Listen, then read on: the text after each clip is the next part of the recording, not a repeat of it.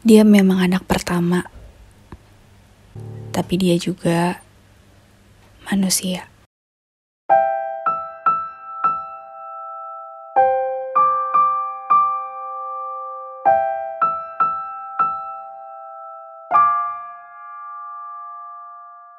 Anak pertama, tumpuan pertama, harapan pertama.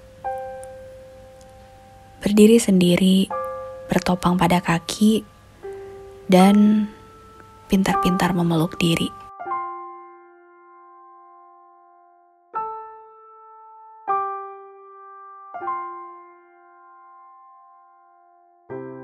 Hidup udah seperti buku petunjuk panjang yang gak ada ujungnya.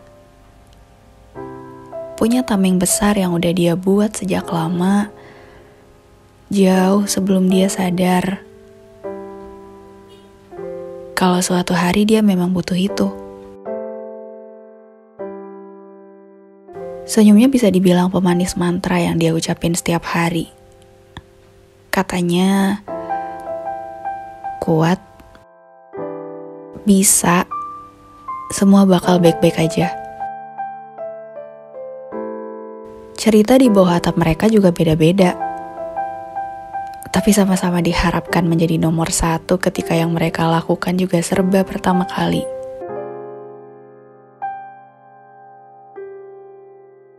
Ngalah ya kak, adiknya belum ngerti. Kasih ya kak, adiknya pengen. Temenin adiknya ya kak, jangan dibiarin sendiri.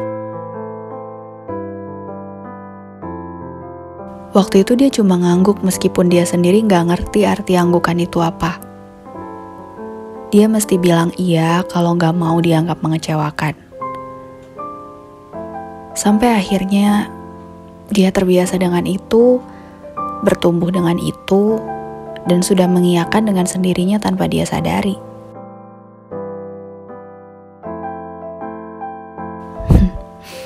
Kadang lucu karena mereka kadang bersikap semuanya terkendali, semuanya bisa mereka lakuin, semuanya bisa mereka tangani tanpa perlu bantuan siapa-siapa.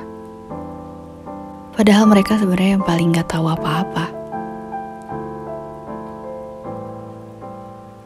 Gak jarang mereka bisa jadi orang paling nyebelin di luar sana. Karena dengan terbiasa menjadi pegangan, mereka tanpa sadar bersikap keras sama sekelilingnya semua mesti berjalan seperti seharusnya. Semua nggak boleh cacat, nggak boleh rusak, ataupun gagal. Termasuk diri mereka sendiri. Tapi tentunya ada yang berhasil, ada yang setidaknya memenuhi harapan, ada yang justru dianggap kegagalan. Beda sih tapi intinya sama.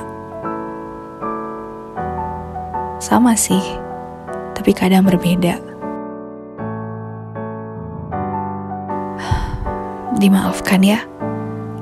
Dimaafkan untuk segala keenggak sempurnaan yang sering dia paksakan. Dimaafkan untuk segala keterbatasan yang gak sadar sering dia tabrak gitu aja. Kadang dia lupa kalau dia juga bisa lemah.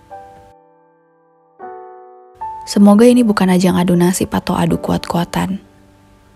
Ini hanya sepenggal dari keseluruhan cerita yang masing-masing masih dengan jalannya. Yang kedua, ketiga, keempat, atau mungkin seterusnya, tentu punya bagiannya sendiri.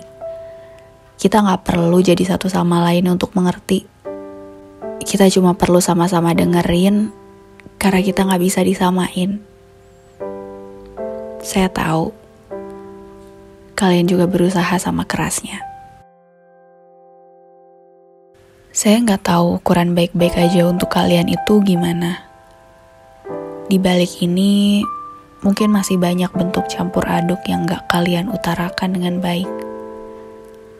Selain lupa cara menyampaikan, makin ke sini kalian makin gak merasa itu perlu. Biar aja berlalu seperti biasanya besok pun masih sama kan? Tapi satu yang saya tangkap dan pernah dengar sebelumnya, kita harus pintar-pintar menaruh kata secukupnya. Supaya ketika apa yang diharapkan banyak orang tidak terwujud sepenuhnya, kita nggak ikut-ikutan membenci kegagalan kita. Supaya ketika hanya kita yang diminta melakukan segalanya sendiri, kita nggak cemburu dengan mereka yang segalanya sudah tersedia di meja atau supaya ketika semuanya berjalan baik, kita nggak cepat puas dengan hasilnya. Dan intinya supaya setelah berkali-kali bolak-balik atas bawah kanan kiri, kita akhirnya menemukan titik tengah yang menjaga semuanya serba cukup saja.